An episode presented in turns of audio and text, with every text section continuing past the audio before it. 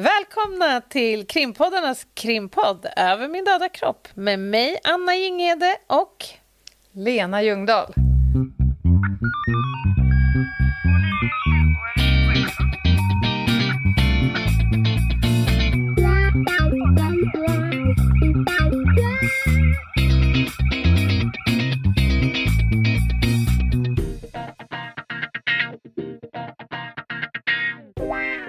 Avsnitt 51. Oh, stort! Ja, men det är stort. Och nya lyssnare droppar in. Och Ja. därför känner jag, eh, jag känner att situationen kräver att jag säger välkommen till torsdag ifall det är någon som gled in på en måndag och Ja. tänkte det här är inte krimpoddarnas krimpodd, de pratar om tandborstar och tandkräm. Ja, precis. Så Det är ju därför- helt snurrigt det här när man ja, inte det är vet. helt snurrigt. Men på torsdagar, då grottar vi ner oss i krim. Och på måndagar, då ger vi oss själva eh, rätten att eh, fladdra över det som eh, faller oss på läppen, så att säga. Exakt. Men idag är det torsdag. Idag är det torsdag och vi ska ju prata om ett, eh, tycker jag, väldigt intressant brottsfenomen. Eh, och det här är ett brottsfenomen som är omnämnt i media väldigt frekvent och särskilt på sista tiden. Vad pratar jag om, Lena? Rån.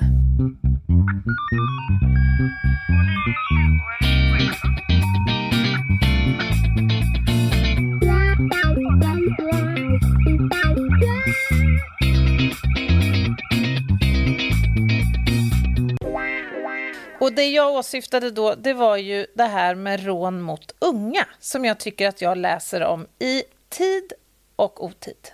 Det här, och nu tror jag att det är väldigt aktuellt, så jag tänker att i slutet mot det här avsnittet så kommer vi med lite tips inför skolstarten. För att nu vet ju vi av erfarenhet eh, att då begås det rån. För då så ska jackor, väskor, mobiler, skor och olika saker byta ägare under kanske hot och våldssituationer.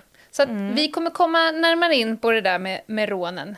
Ja, precis. Och det finns ju också lite olika varianter här som vi ska försöka bena Yes. ut. Jag läste på lite grann om det här med hur vanligt det är med just personrån. Eh, Jag tittade då på anmäld, eh, när man tittar på anmäld brottslighet och även eh, trygghetsundersökningar, nationella trygghetsundersökningar. Yes. Och då är det som så, när man frågar då eh, människor mellan 16 och 84 år om deras erfarenheter så är det drygt 1 procent som eh, uppger att de utsätts eh, för personrån varje år. Man kan se en liten diskret ökning, men det är ingen sån här alarmerande ändå ökning. Däremot kan man se att den här procenten varierar mellan olika eh, grupper. Så att just nu då så är det ju ungdomar som utsätts i ganska stor utsträckning, men även gamla, åldringar, utsätts i större, allt större utsträckning. Eh, däremot så kan man ju se att bankrånen till exempel, de existerar knappt längre. De har minskat successivt sedan 90-talet. Och det har ju såklart att göra med att banker och ja, post, finns det ens post längre? Postkontor är kontantlösa. Nej, penninghanteringsställen. Men det kommer jag ihåg, alltså när jag jobbade där, när jag precis kom ut från polishögskolan var klar, så här 02, 03, 04 kanske. Det var ett jädra flängande på bankboxsprängning, värdetransportrån, eh, rån av pantbanker och forex och så vidare. Nu är det typ noll. Men det är ju en väldigt tråkig trend det här med dels rånen mot ungdomar men också äldre och funktionsnedsatta. Jag läste någonstans att eh, rånfrekvensen mot just eh, äldre och funktionsnedsatta är hittills i år dubbelt så många som på året dessförinnan jämfört med hela Ja. 2019.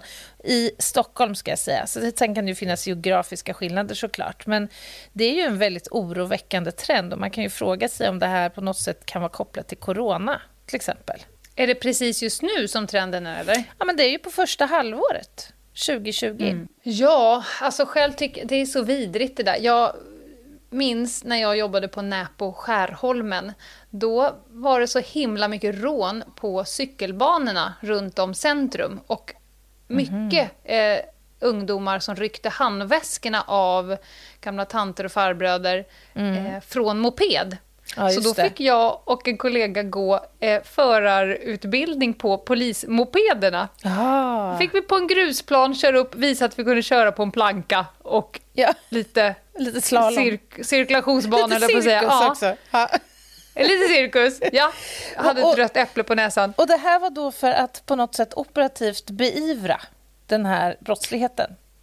Ja, men Aktivt. exakt. Mm. För att det är svårt att fara runt, runt, runt med polisbil på gångstigar. Utan Mm. då behövde det fara runt folk på moped helt enkelt. Jag har jobbat lite med en del såna här åldringsrån och det, är ju, det som är så himla otäckt tycker jag i de fallen det är ju att många gamla är ju otroligt sköra. Och, alltså, Ja. Äldre är ju utsatta per definition eh, av att de har Mm. svårt att försvara sig och så här. Och den här brottstypen sker ju inte sällan. Visst, det kan ske ute på gator och torg och i anslutning till bankomat och sådär. Men det är ju inte alldeles sällan som det sker i offrens egen bostad eller i anslutning till bostaden. Och det är ju ett enormt övergrepp alltså. Jag, jag, eh, jag var och föreläste, det finns en gymkedja, jag tror att den heter Active Age. Jag var i alla fall och föreläste. Eh, Det är alltså gym för eh, äldre. Och då föreläste jag om säkerhet från A till Ö. Lite så här bäst av allt vad man skulle behöva veta. Och då stod det ju på inbjudan så stod det att Lena Ljungdahl, senior säkerhetskonsult, kommer och föreläser. Ja. I pausen då kommer det fram en liten skör kvinna med så här lagt hår så det nästan glänser Ja. i blått. Och sockerplast kommer fram till mig och så säger hon att jag tycker att det är helt fantastiskt, alla klagar på samhället just nu, men att det finns säkerhetskonsulter som bara jobbar med seniora. Nej, men Jag bara- hjärtat. Jag, ja. bara, jag hade inte mag att säga så här, Nej. alltså det är min titel att jag är senior. ja. Jag bara, "Åh, ja, jo men vi satsar sten. Men alltså- Jag hade inte mag att ta ner henne på jorden. Nej, och det tycker jag du gjorde helt rätt i. Och när jag tänker på Mm. det så är det ju faktiskt så att våra gamla... Alltså för det första blir gruppen äldre allt större eftersom vi lever ju längre. Men det är också så att det här är en grupp som i många avseenden och speciellt ur vårt perspektiv, alltså rättsligt, är faktiskt Mm. väldigt negligerade. Alltså som skulle behöva ha egna liksom inrättningar, organ som faktiskt är specialiserade på den här gruppen och deras skydd och säkerhet. Absolut. Och deras känsla av otrygghet. För rån må vara hänt, men om man ser generellt brottsutsatta så är inte åldringar så himla drabbade. Nej. Men deras känsla, alltså otryggheten, är ju enorm. Just för att de är så skyddslösa. Kan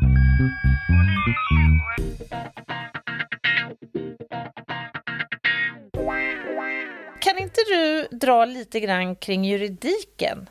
Alltså, om man ser till rån så tycker jag att det är en evig begreppsförvirring. Det är så här, jag blev rånad och sen när man hör när de beskriver liksom vad som hände så är det ju absolut inte rån utan det är någon som har utsatt sig för en stöld. Eller en ringa stöld. Nu finns ju inte snatteri längre. Det är ju ett, ett brottsbegrepp som numera är ersatt av ringa stöld. Men det är väldigt många som använder rån lite slentrian över allting som har med, med tillgrepp att göra. Ja, just det. Men vi ska börja där med att rån är i kapitel 8 och där finns alla tillgreppsbrott. I det kan brottsbalken alltså. Exakt. Tack för Man kan, ju, förtydligandet. man kan ju tro annars att det skulle vara i Mosebok eller något sånt där. Ja. Men man kan brottsbalken. också tro det på grund av, av liksom den juridiska texten. Den som olovligen tager vad annan tillhör, står det ju så fint. Så det kom ju någonstans med Moses i vassen. Han myntade du begreppet. Ja. Nej, men, och då kan man tycka att rån det är ett ganska våldsamt brott, så varför inte det liksom i kapitlet som handlar om våldsbrott? Men det är för att grundbrottet är att en besittning över ett föremål går från en person till en annan och därför blir det ett tillgreppsbrott. Precis. enkelt. Sen så finns det ju då Skillnaden, man kan börja med skillnaden på stöld och rån, det är ju det själva hotet och våldet. Om jag smyger fram och tar någonting av dig, eh, din cykel när du ligger och sover, då har du inte blivit utsatt för ett rån utan för en stöld. Ja. Eller en ringa stöld beroende på om det är en riktig skitcykel. Och vad, ja, ja, precis. Man kanske till och med har gjort någon en tjänst. Att ta Ja, den där i besittning och köra den till någon skrot eller någonting. Vem vet? Exakt. Men, Ja. men skämt åsido, vad gäller för eh, hot då? Om, om vi Ja. inte kliver över gränsen till fysiskt våld men hotar med, låt säga, en pistol. Alltså, det beror på hur, hur allvarligt hotet är. Om hotet upplevs som väldigt farligt eller trängande och jag samtidigt stjäl någonting av det, då skulle jag säga att då kommer det hamna under rån. Eh, annars finns det ett brott som heter olaga hot och Ja, stöld. precis. Men om olaga hot plus stöld blir det ganska ofta rån. För att det är själva hotet som gör det till en rånsituation. Och då spelar det väl inte heller någon roll, eh, vad jag förstår, om det här då skjutvapnet till exempel är ett skarpt sådant eller inte, utan det är Nej, just inte. hur hotet upplevs av den som utsätts. Mm, det är precis som i nödvärnslagen. Det spelar ingen roll om det inte sen visar sig att det var ett riktigt vapen. Om jag trodde att det var ett riktigt vapen, så är det det som styr. Och sen finns det faktiskt lite olika, det vet ju du, men nu berättar jag för våra lyssnare. Men det finns ju lite olika varianter av rån och man brukar säga att det finns tre. Och då säger man stöldfallet, motvärnsfallet och utpressningsvarianten. Och stöld, stöldrånet då, det är den här vanliga. Alltså att jag tillgriper någonting av dig genom att hota dig eller misshandla dig. Då är det ett rån. Just det. Eh, Det är det klassiska fallet. Sen har vi motvärnsfallet. Och det är alltså att jag har redan begått stölden mot dig. Det var en stöld från början. Eh, men sen så kommer du på mig och du försöker hindra mig i min stöld och jag sätter mig till motvärn. Alltså jag använder då våld eller hot för att du inte ska ta tillbaka det som var ditt. Det kallar man för rån motvärnsfallet. Just det. Och sen har vi den sista då, som är ganska lik stöldfallet. Och det är utpressningsrån. Och det är Mm. att jag försöker förmå dig att lämna ifrån dig saker till mig. Att jag försöker få dig att begå en gärning. De här utpressningsfallen upplever jag, jag kan vara helt fel ut där, jag har inte tagit fram några siffror eller så, men jag upplever att det är ett fenomen som också ökar. Alltså det här att man, alltså det kan vara förenat med att man faktiskt rövar bort en annan person. Alltså slänger in en person i en bil, åker till en lägenhet, håller den här personen eh, bunden eller vad vet jag, frihetsberövad. Och under tid, alltså över längre tid ibland, eh, pressar den här personen på pengar och koder till eh, kort och ja, den här grejen. Det du nämner nu, det är det vi kallar för tigerkidnappning. Mhm. Alltså att jag, jag kidnappar dig under så lång tid som jag behöver dig för att du ska kunna begå brott mot dig själv nästan. Mm. Öppnar säkerhetsskåpet, tar nyckeln, tar dig till guldaffären som du äger, plocka grejerna och sådär. Eh, jag har inget uppsåt att behålla dig. Jag har bara ett uppsåt att behålla dig under den tiden som jag be- Mm. Som behöver krävs dig. för att få- ja, precis. Exakt. Men däremot så utpressningsrånen tycker jag eh, ökar eh, kopplat till ungdomar. För då, Mm. eh, det är inte ett klockrent hot eller en misshandel, men när de jobbar med sin numerär och ställer sig tre, fyra personer runt en, ett offer och egentligen bara pekar på skorna. Eh, eller gör någonting annat som inte når upp liksom i, i själva hotet. Då skulle man kunna prata om ut, utpressningsfallet. Men är det inte så att eller det behöver inte uttryckligen framgå att eh, om du inte ger mig dina skor så kommer jag... Nej. Nej. Det är fortfarande upplevelsen av det hela. Det är samma sak med olaga hot. Alltså om jag upplever mig hotad eh, av att du gör ett tecken med din hand, för jag vet vad det betyder, eh, så kan det av bara det bli olaga hot. Mm. Nej, men det, Ja, det är en liten förvirring, men, men för att särskilja mot, mot stöld så kan ni komma ihåg att det, det måste till någonting mer än att jag tar din sak och oftast kopplat till, till ho, vo, holt och våld. Hot och våld måste då till. Och det här är ju då ett uppsåtsbrott. Kan du förklara det? Ja, man har alltså avsikt att eh, göra sig eh, en vinning eller en överföring då av det här som har ett eh, betingar något form av värde. Mycket bra. Och det här har ett straffvärde på 1 till 6 år fängelse då. då. Och det är ju ganska, alltså, det är ju ganska höga straff ändå. Ja, det är bitigt. ja. Och det är ju bra. Ja, För det här är ju en djup, djup kränkning att utsättas för det här. Jag har ju haft ett gäng avlastningssamtal med personer som har utsatts för rån. Allt från att någon har pekat på skorna och personen har blivit skiträdd av det här pekandet och lämnat ifrån sig sina skor. till mm. personal som har suttit i kassan och haft ett vapen riktat mot ansiktet. Oh, och fy sjutton alltså. Ja, och det är en enorm kränkning att utsättas för det här. De kanske också kissar och bajsar på sig för mm. att, det har vi förklarat i ett annat avsnitt, vad som händer i kroppen mm. när amygdala säger att det är fara och färde. Men eh, det här ska man inte glömma bort. Jag har suttit och pratat med en kille 14 år som har blivit av med, jag tror att det var kepsen i det här fallet. Mm. En dyr fin keps av något märke som tydligen någon annan ville ha. Eh, alltså, det sätter rejäla mm. sår. Och det är klart, och det handlar ju inte om värdet som sådant utan det är ju liksom det här övergreppet som det ju faktiskt mm. är. Jag läste en undersökning, man hade ju tillfrågat då eh, bankanställda. Den här studien var kanske tio år gammal så den är ju inte dagsaktuell.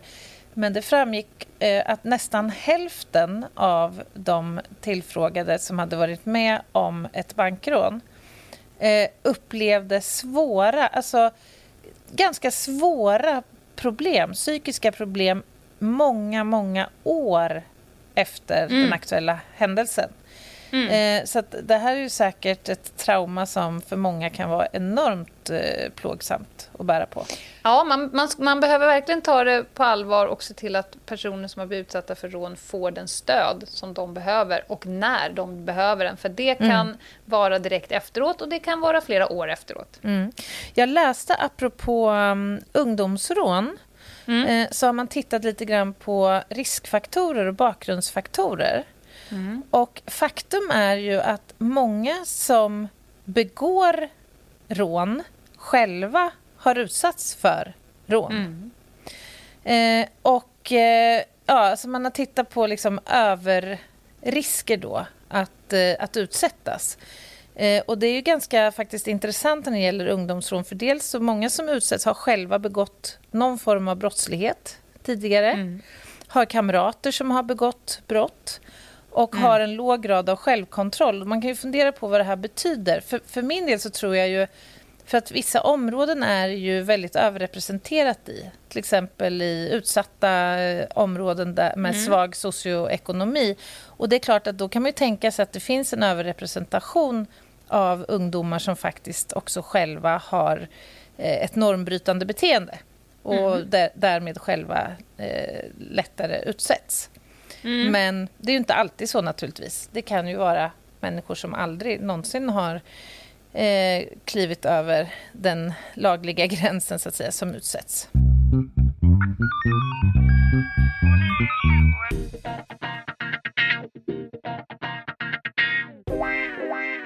Jesse James känner du igen, va? Mm. Året var 1866. Jesse James och hans bröder går in i banken i staden Liberty. Med dragna revolvrar så tilltvingar de sig 60 000 dollar. I flykten från banken sköt de ihjäl en förbipasserande. I alla fall så är ju det här Alltså för min del, när jag satt och funderade på liksom vilket är det här, liksom det äldsta så här, bankrån som jag kunde dra mig till minnes så är det det här, eh, Jesse James med bröder. Men visste du att i Linköping på 1850-talet så begicks det ett rån som under många, många år beskrevs som liksom århundradets, eller kanske till och med tidernas största. Nej. I Linköping. Var det Louise Hofsten? Nej, det tror Nej. jag inte. Nej, okay. Hon måste... det är den enda jag kan därifrån. nu vet inte jag när hon är född, men jag tvivlar ju på att det var på 1800-talet. Ja, I vart ja. fall, vi snackar alltså mm. om plundringen av Östgöta Enskilda Bank på Stora torget mm. i Linköping. Mm. Eh, och det här då blev ju extremt omtalat av flera skäl. Eh, dels på grund av att det var så sablans lätt att begå det här rånet. Och vet du varför? Nej. Nej, det ska jag då tala om för dig nu. För att, ja, vilken bra, annars ja. hade det blivit jätte, jätteplatt. Det hade inte alls blivit bra. Och du bara, nej inte jag heller. Men vad förvånad du hade blivit. Ja. Content baby, content! Ovanför dörrkarmen vid entrén. där hängde nyckeln in till banken. Så om man liksom bara hade förrekat en liten smula, ja, Ja. då kunde man ju ta den här nyckeln och kliva in och ta sig en liten eh, bunt med riksdaler. Eller daler eller vad det. Dubloner. Dubloner, ja precis. Men vad smidigt ändå. Det är ungefär som på demensboendet att man skriver koden två meter ifrån dörren Ja. för att komma ut. Men de, hin, de hinner ju glömma bort den från att de läser den till att de kommer till dörren. Precis. El- Eller skriver koden till bankomatkortet på en post-it-lapp och sätter Ja, på men kortet. det är ju Det är en klassiker. vanligt. Men, men du, vet du att de kom alltså över då i, i dagens värde 80 miljoner kronor? Ja, Haja, nu alltså, vi. det, nu snackar vi. Och, och då fanns ju då dels det här med nyckeln, att det var så himla lätt att ta sig in. Det var ju liksom en anledning till att det här blev så uppmärksammat. Men det finns Mm. en liten detalj till här. Och det är att i bankvalvet, när bankpersonalen sen kom åter in i banken, så hittade man en liten lapp med en dikt.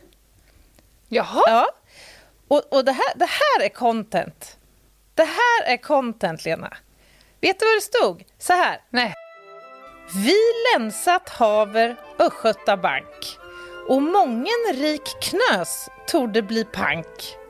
Vi lämnar dock en tre daler kvar ty hundar pissar på den inget har. Ja, det är ju kaxigt ju. Det är ju stort. Eller hur? Kan man hyra in författaren till julafton?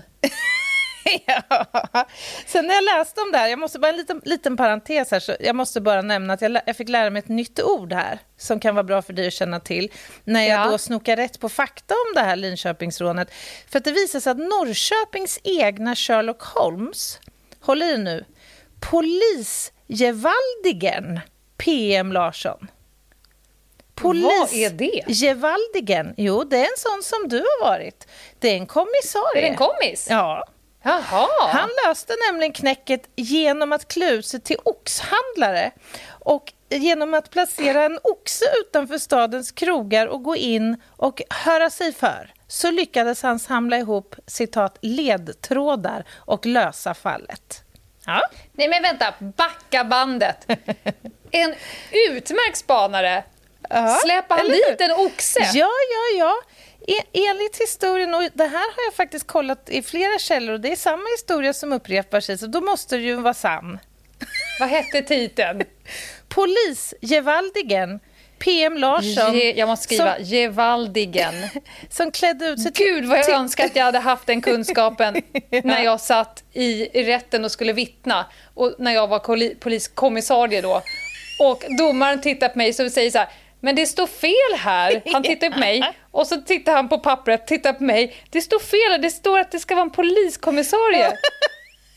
Polis-Gevaldige Ja. om jag får be. Du Tänk om jag hade haft en sinnesnärvaro. ja, men, men eh, vi ska släppa det här nu, men bara en sak till här och det är att det hände en ganska bra sak för svensk lag eh, efter det här rånet och det var att Sverige fick en ny lag om banksäkerhet och den trädde i kraft 1855, alltså i anslutning till att man löste bankrånet mot Östgöta Enskilda Bank.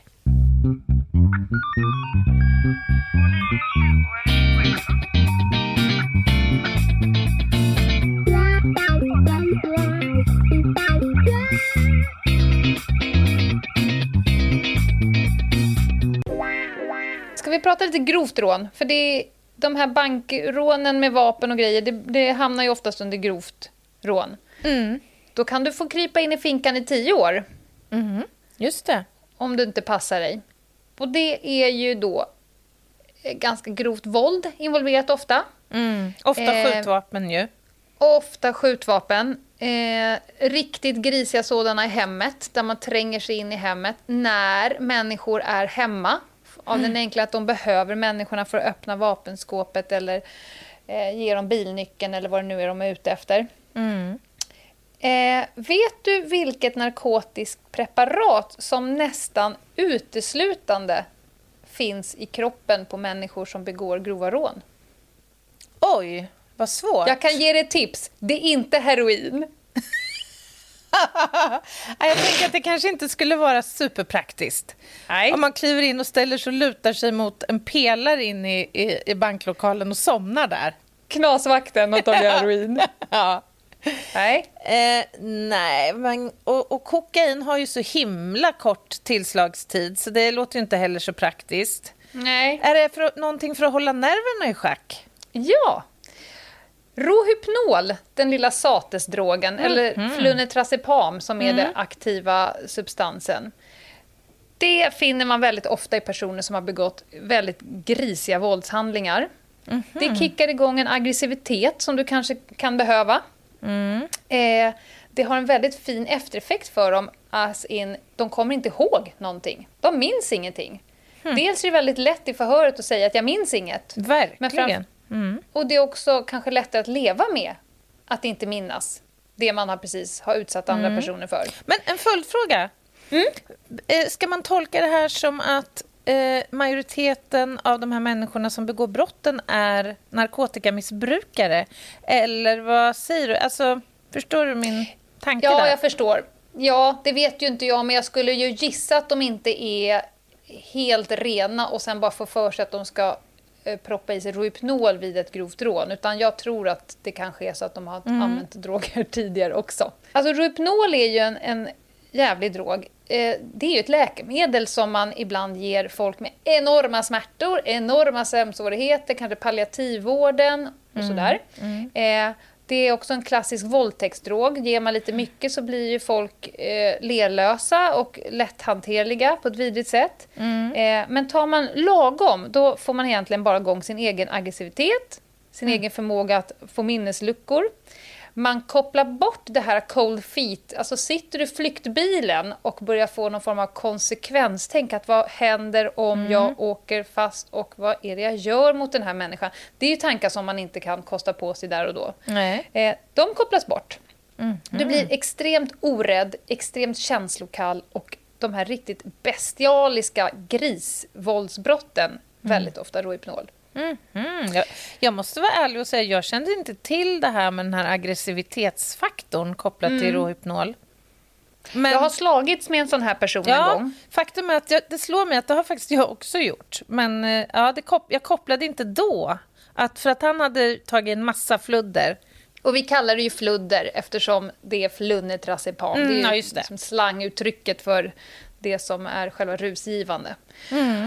Ja, eh, men och sen så finns det personer som faktiskt tänker sig att de har en förhöjd hotbild att utsättas för grova rån. För att de vet att de antingen är liksom medialt uppmärksammade, väldigt kapitalstarka, kör dyra bilar, har dyra klockor och så vidare. De har någon form av mental eh, förberedelse, de har beräknar på det. Så vissa mm. av dem bygger till och med såna här safe room eller panic rooms. Mm. Som de ska kunna dra sig tillbaka till med familjen kanske. Om det är någon som trycker sig in i deras hem och ska stjäla alla miljarderna. Ja, just det.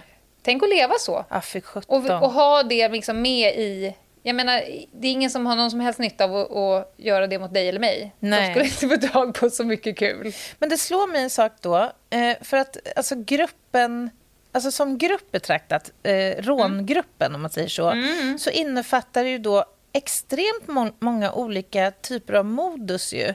Allt mm. från, tänker jag mig, då, de här extremt välplanerade gärningarna som kräver kanske månader av kartläggning. Om vi då pratar bank eller det här, det här fallet eller exemplet som du nämner, att faktiskt ta sig in hos någon eh, mm. och fullfölja. Till det här att man tilltvingar sig någons jacka, som jag gissar ofta kanske är mer en spontan och impulsinriktad mm. gärning.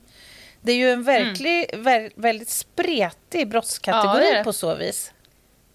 Det som är generellt för det, det är för att förloppet är att det finns någon form av gärningsperson.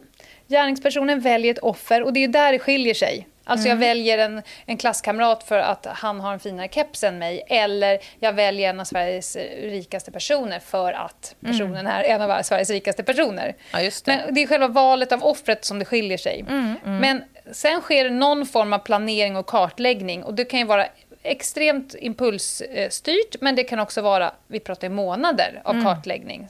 Tänk helikopterrånet eller något sånt där. Ja, just det. Mm. Sen sker själva angreppet och sen så blir det någon form av upplösning. Så det är liksom den generella rånkurvan, brukar man säga. Mm. Eh, där valet av offret definierar brottet i sig. Mm. Sen ska man inte komma ihåg att gärningspersonerna jobbar ju nästan likadant som poliser gör. Alltså, ett, de identifierar någon form av risk. Vad kan hända? De vill ju inte åka fast och de vill gå därifrån med prylen de har eh, liksom tillgripit. Mm. Så de identifierar risker, de gör någon form av åtgärdsplan. Alltså, så här ska jag göra, det här ska jag ha med mig, de här personerna behöver jag, här ska jag göra det vid den här tidpunkten. De gör ungefär så som mm. vi gör när vi ska göra en insats. Mm. Och sen så kommer det att handla om att, att eh, undvika de här riskerna som de har identifierat. De kommer försöka undvika dem, de kommer försöka reducera risken att åka fast till exempel. Mm. De kommer försöka sprida risken, till exempel ha flera flyktfordon mm, istället för att ha allting i samma. De kommer kanske kunna flytta risken till någon annan Mm. Det sker ju oftast lite räv och rackarspel även inom, om det nu är en grupp som gör det. Och sen så måste de också faktiskt acceptera någon form av risk. För att det ja, är ja. en risk. Och, jag tänker, alltså jag och där just... kommer Rohypnolen in. Ja, ja mm. precis. Mm. Exakt. Men jag tänker också så här, jag har ju sett ett antal dokumentärer om gamla bankrånare till exempel. Inte sällan så beskrivs det ju, eller man förstår att begå, alltså de här då gubbarna som det ju oftast är, eller i alla fall idag eftersom det är så ovanligt idag. Mm. De beskriver ju att det här är ju ett extremt statusfyllt liksom, brott. Alltså om man lyckas övermanna liksom, mm. alla säkerhetssystem, lyckas genomföra den perfekta kuppen så är det ju förenat med någon form av Alltså det är ju ett mytomspunnen, ja, en mytomspunnen företeelse på något sätt.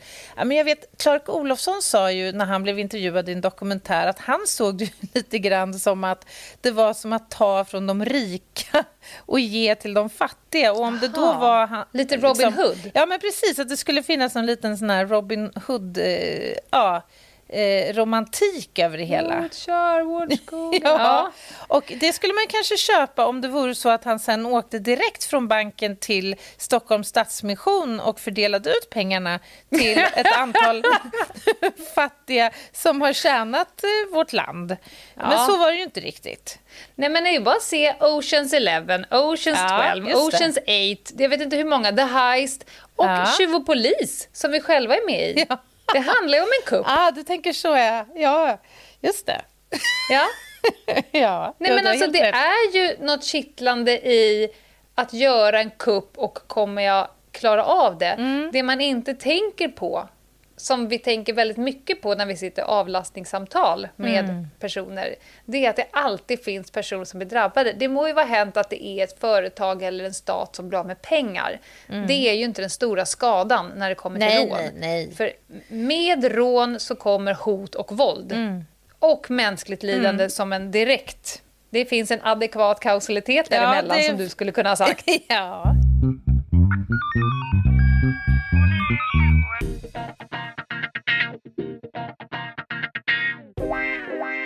Kriminaltekniskt, vad gör man med, med, med brottsplatser, rån och vapen och grejer? Ja, men det är ju väldigt svårt att ge ett generellt svar på det. Det beror ju helt enkelt på vilken typ av situation vi pratar om. Jag menar, pratar vi personrån och om vi tar exemplet med att man tilltvingar sig en jacka till exempel. Mm. Ja, då, då bygger ju våra undersökningar på att det finns ett bra förhör med en målsägare eh, till att börja med som kan berätta hur det här gick till. Var den här gärningspersonen i kontakt fysiskt på något sätt med offret? Ja, mm. då kommer ju det eh, området på till exempel ett par byxor eller... Jag, jag jobbade med ett ärende för inte alls länge sedan och då beskrev målsägaren väldigt exakt hur den misstänkte hade stoppat ner handen i en byxficka för att ta upp hans eh, mobiltelefon till exempel. Mm. Och då blir ju tyget vid den här fickan väldigt intressant att söka kontakt-DNA på, såklart, mm. från en misstänkt. Eh, och finns, ingen, finns ingen misstänkt i eh, ärendet vid tidpunkten så att man kan, jäm, så man kan jämföra de här spåren mot, då får man ju hoppas att det blir träff när man söker i DNA registret eller spårregistret. Så ni sitter och lusläser målsägandeförhör och vittnesförhör för att försöka ta reda på var ni ska lägga ert fokus och krut? Ja, i ett, ett sånt exempel så blir det ju den varianten. Är det ja. fråga om till exempel ett butiksrån, ja då är det ju värdefullt att få se en övervakningsfilm till exempel mm. och se var, hur har man tagit sig in i lokalen, var, vilka ytor har man beträtt i lokalen? För i en butik har ju 500 andra människor varit kanske den aktuella dagen och lämnat sina spår och då vill ju vi försöka att säkra de spår som är intressanta för brottet. Och då är en övervakningsfilm väldigt tacksam där vi kan se, har man varit fram till en kassalåda och tryckt på kassaapparaten eller har man vidrört eh, någon, eh, något hyllplan där vid kassan eller ja, finns det skoavtryck inom ett visst område som kan vara intressanta för, eh, för utredningen och så vidare. Så att mm. det går inte att ge något enkelt och generellt svar utan det, det är så väldigt beroende på vad det är för typ av scenario och mm. brottsplats. Förenklat. Mm. mm. Är det kul att vara på en sån brottsplats? Rån? När det kommer in ett rån, butiksrån? Är det... Ja, men det tycker jag att det kan det vara. För det, ofta kan det bli fråga om ganska ovanliga kriminaltekniska lösningar. Till exempel det här att försöka bestämma en, en längd på en gärningsperson. Du vet, I många mm. butiker finns det ju såna här höjd... Eh, klisterremsan. Ja, klisterremsan, ja. Som många tittar på och undrar vad sjutton har man för hjälp av den där? Den brukar ju sitta lite kom si kom sa. Sist jag mätte mot den, då var jag 1,92. Jag tänker ja. att man kanske ska ha någon form av mätutrustning när man sätter dit den. Det ska man ha, men, men man ska också förstå då att när vi ut utgå från den eh, för att försöka bestämma en längd på en person med hjälp av övervakningskamera så kommer vi ju först såklart kalibrera eller mäta mm. upp den så att vi får en uppfattning om att den sitter liksom på, på rätt eh, ställe. Nej, men det kan mm. bli ganska ovanliga men intressanta ändå, eh, skulle jag säga, kriminaltekniska ja, tekniker som man kan använda. Mm. Du nämnde det här med vapen. Mm. Eh, och jag tror vi nämnde det tidigare här i avsnittet, men skjutvapen är ju väldigt vanligt vid, vid eh, eh rån mot eh, butiker och värdetransporter och sådär. Mm. Eh, butiksrån finns det någon siffra att ungefär en fjärdedel, kanske 30 procent, eh, sker med hjälp av vapen av något slag, ofta skjutvapen, men det kan också vara Eh, andra typer av vapen naturligtvis, baseballträ eller slag till hygge och mm. så.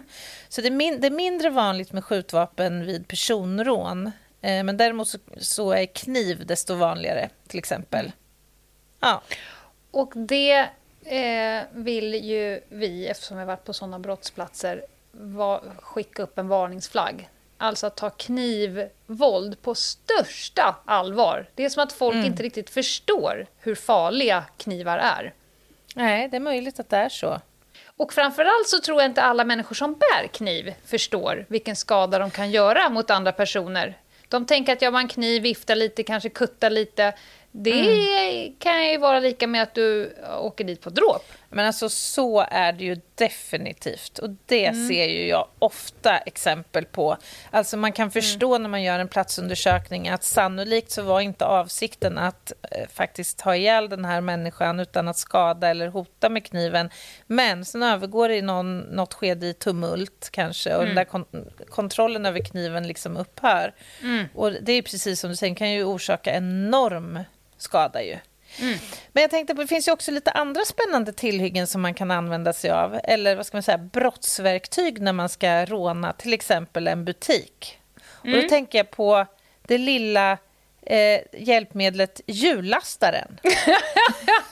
som jag tar med mig. Ja. Ja. Har du varit på någon smash and grab? Ja. Det, är ju ändå, det där tycker jag är ändå det är intressanta brottsplatser. Det är mm. inte jättevanligt. Men faktum var att jag var och gjorde en sån platsundersökning en gång på min mans arbetsplats. Jaha. ja. Eh, så att då hade de smält in med hjullastare, men det fanns såna här skyddande liksom, stolpar, stolpar utanför mm. entrén, så att de lyckades inte forcera dem.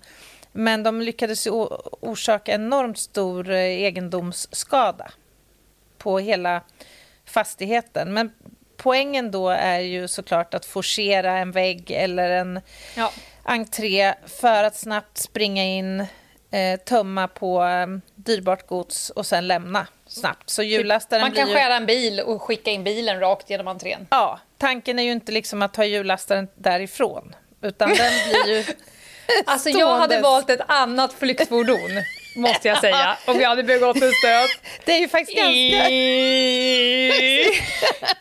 rätt uppseendeväckande.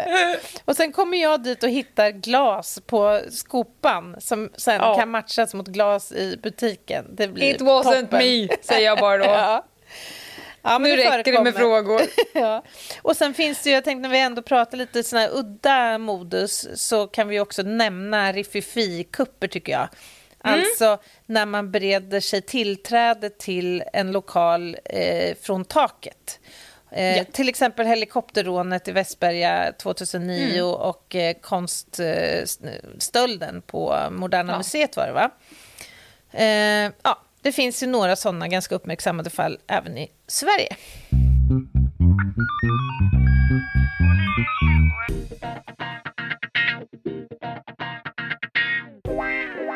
Men du, en sak som vi inte har pratat om, eh, när det gäller många av de här rånen där man tillgriper till exempel smycken eller för den delen i den här elvaruhandelskedjan kommer över 20 nu höll jag på att säga transistorradioapparater. Men vi kan byta ut det till platt-tv-apparater. Ja. Eller något. Då tänker jag så här att det här måste ju krängas iväg fort som sjutton. Det går ju inte att bära omkring på liksom stora kollin. Nej. Inte ens med hjullastare vill du åka omkring med det. Nej. Det måste ju finnas en en plats. menar jag, även för, för skedet efter kuppen. Ja, gud ja. Många av de här jobben är beställningsjobb. Så det finns ju en mottagare, en hällericentral som står redo redan från start.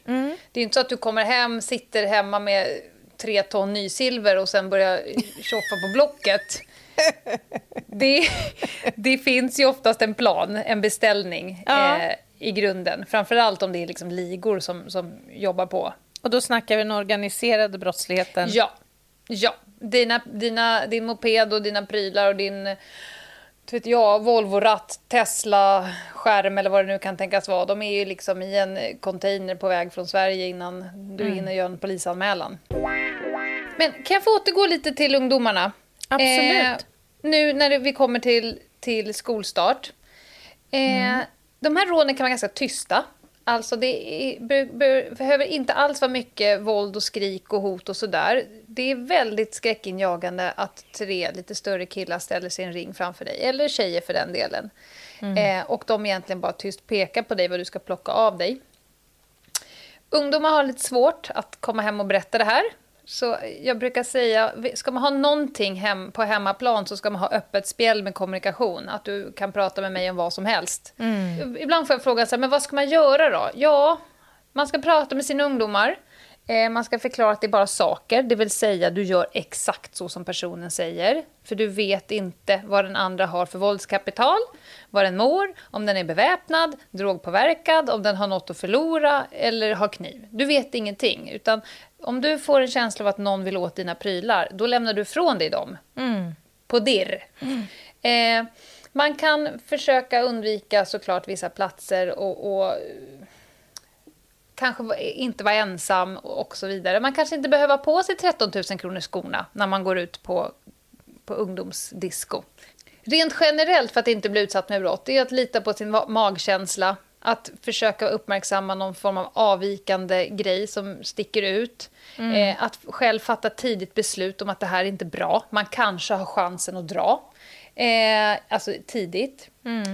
När man befinner sig under en personrånssituation då är eh, min rekommendation att man inte jobbar med så mycket yviga rörelser.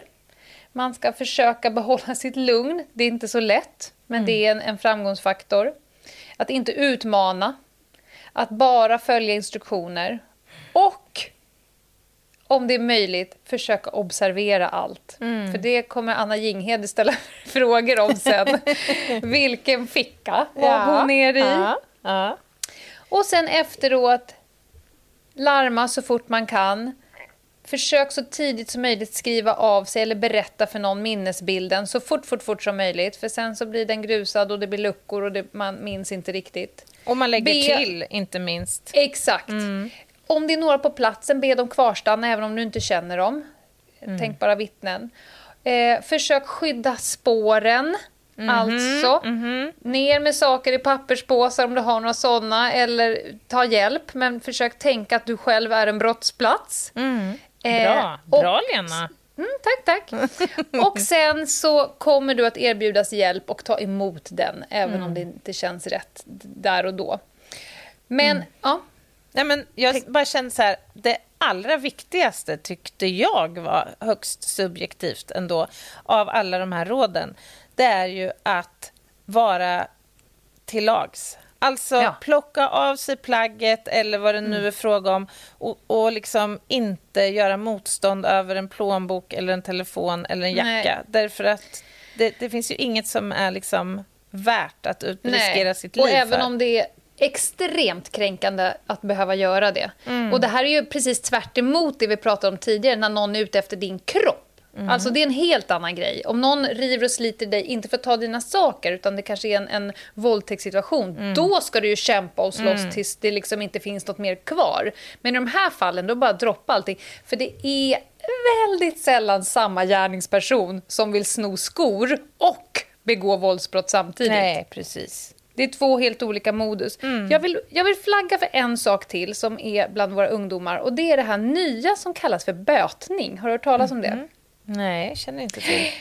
Eh, det är liksom barnvarianten av en organiserad utpressningsverksamhet. Om man tänker sig typ så här, de gamla mc-gängen de håller på med en utpressningsverksamhet.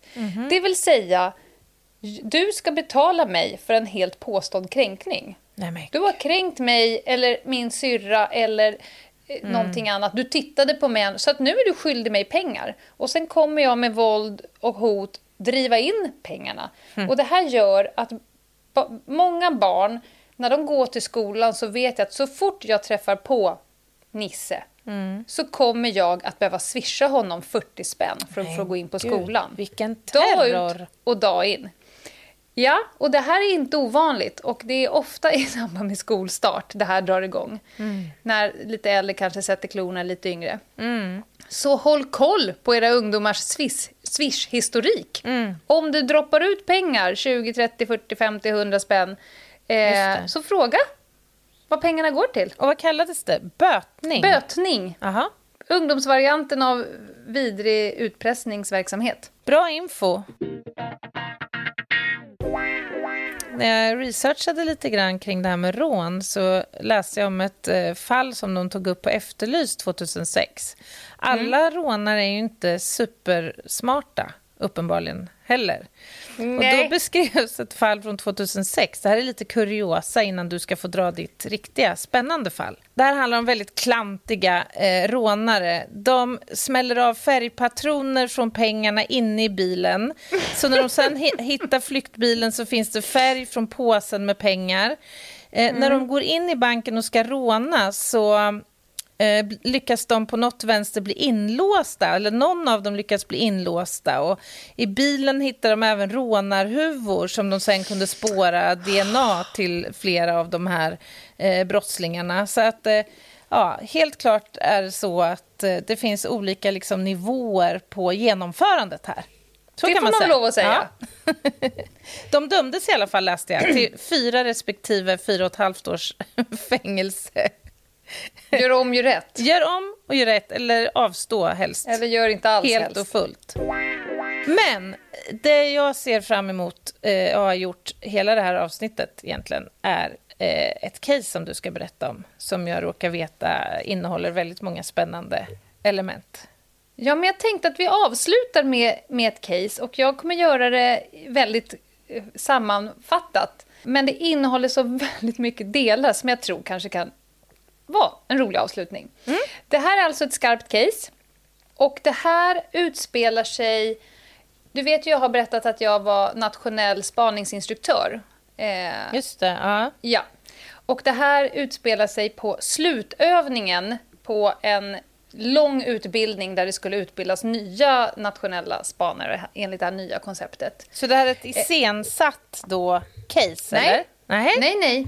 Det är ett brott som råkar begås samtidigt som det ska övas. Aha, jag förstår. Så alltihopa börjar med att det är en lång utbildning som ska ha en slut, ett crescendo och då utsätter vi alltid dem för ett riktigt jävla halabaloo. Ett iscensatt brott. Ja. Eh, där de ska få påvisa alla sina eh, kunskaper som de har fått vecka ut och vecka in.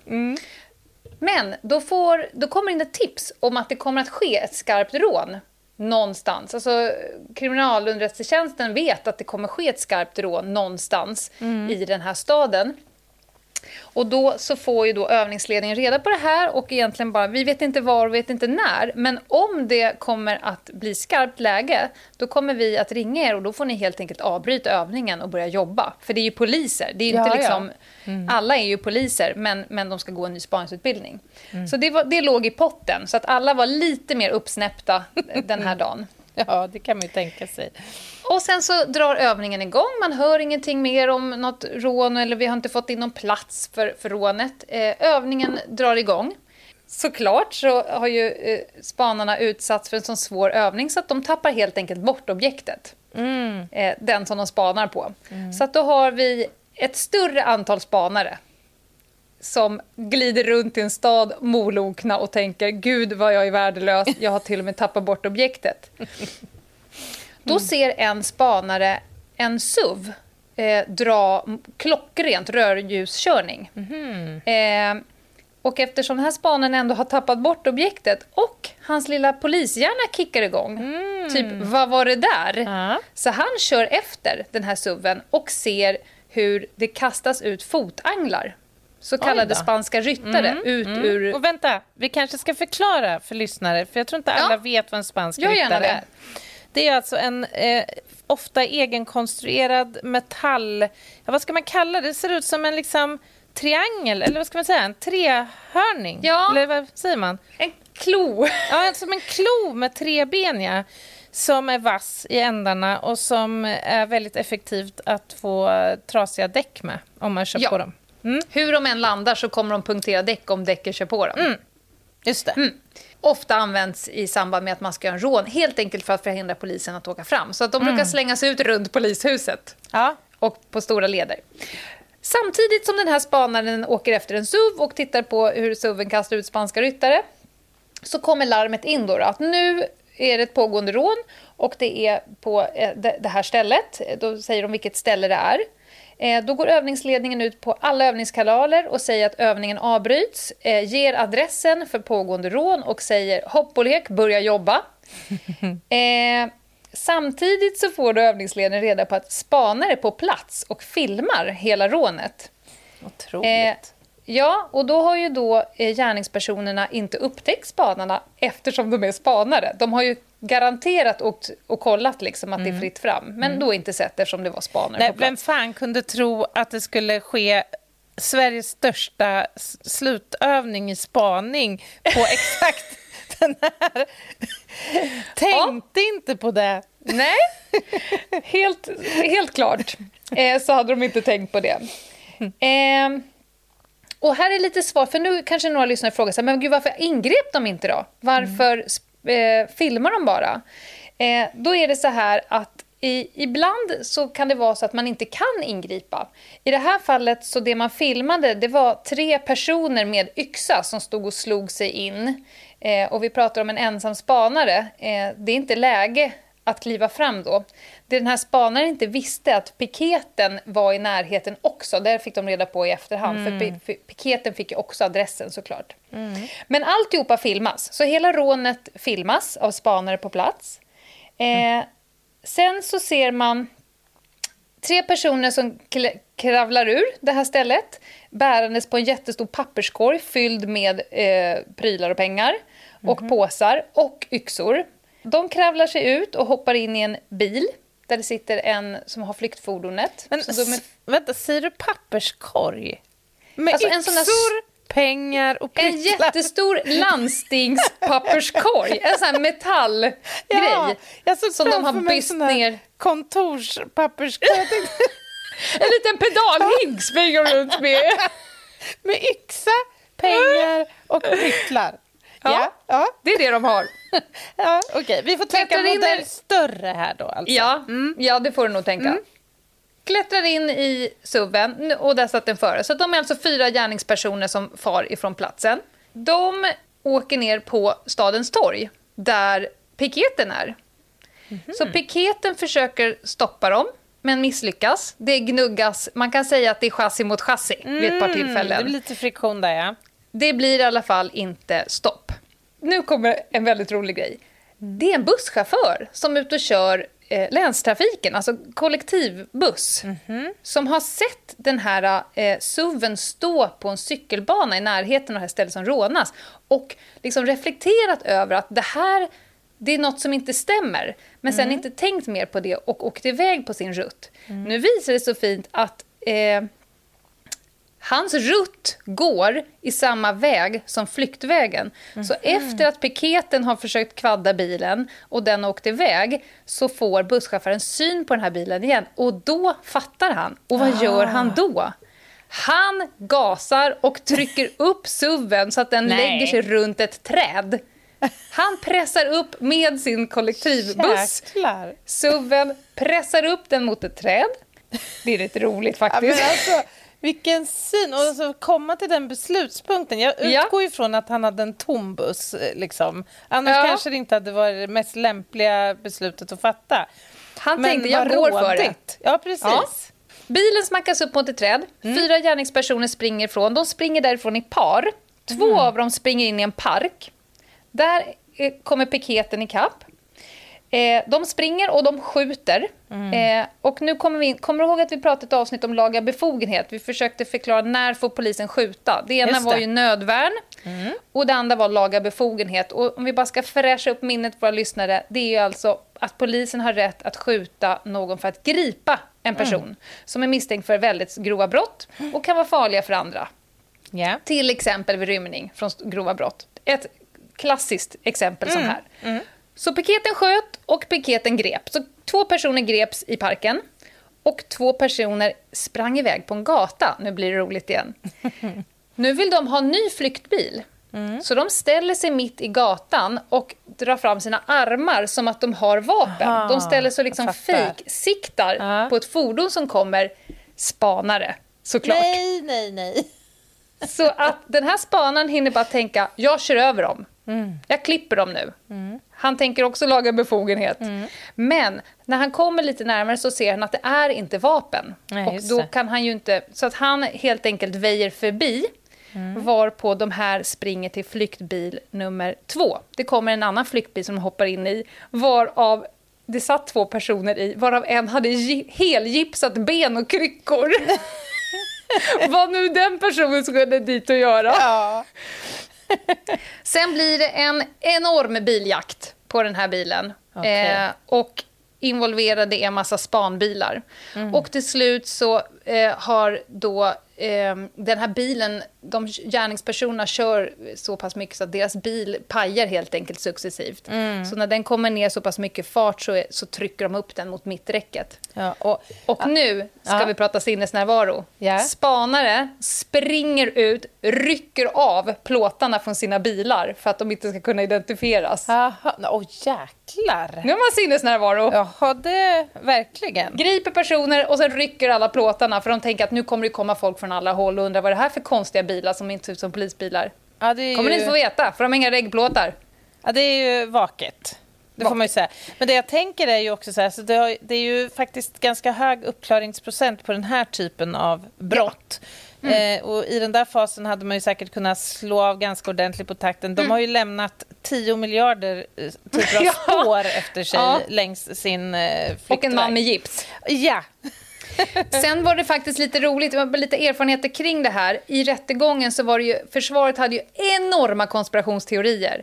Hur kunde ni veta Ja. att de skulle... Och varför? För då var det lite så här, varför lät ni det ske? För Ja, de vill ju det. ha det till då kanske förberedelsen och sådär. Ja. Om ni ändå visste exakt vad det var och hade placerat ut Mm. en hel jävla dussin, flera dussin med spanare. Mm.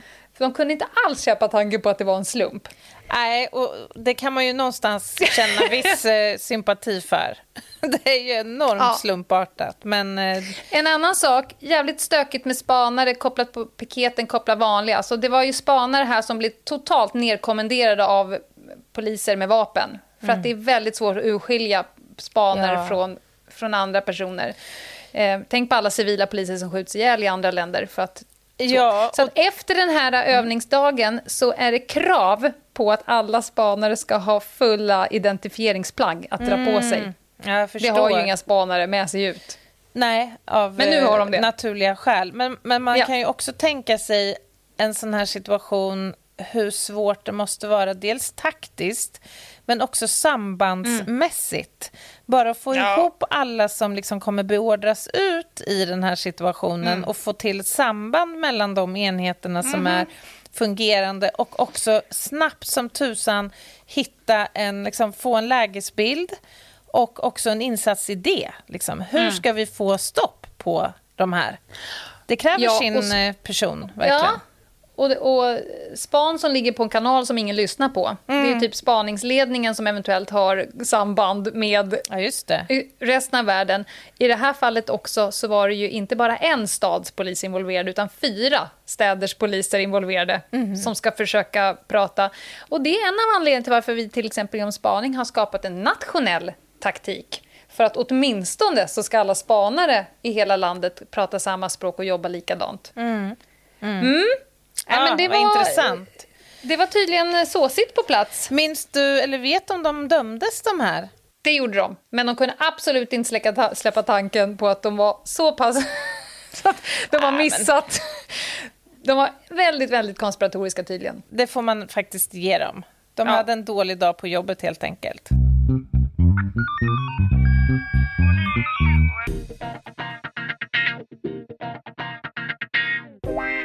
Det här med rån kommer vi säkert få anledning att återkomma till på ett eller annat sätt. Säkert. Det kanske också dyker upp frågor och tankar och funderingar med anledning av det här avsnittet. Och då går det bra att kontakta oss på ljungdahl och gmail.com eller besöka vårt konto på Instagram, Ljungdahl och Ginghede.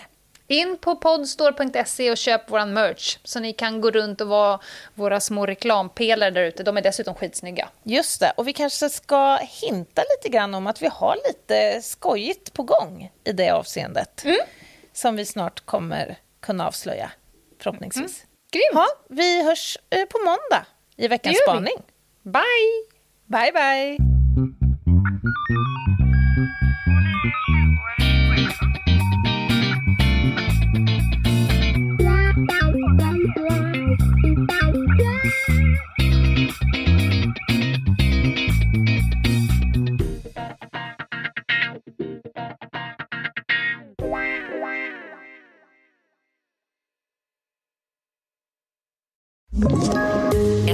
Poddtips från Podplay.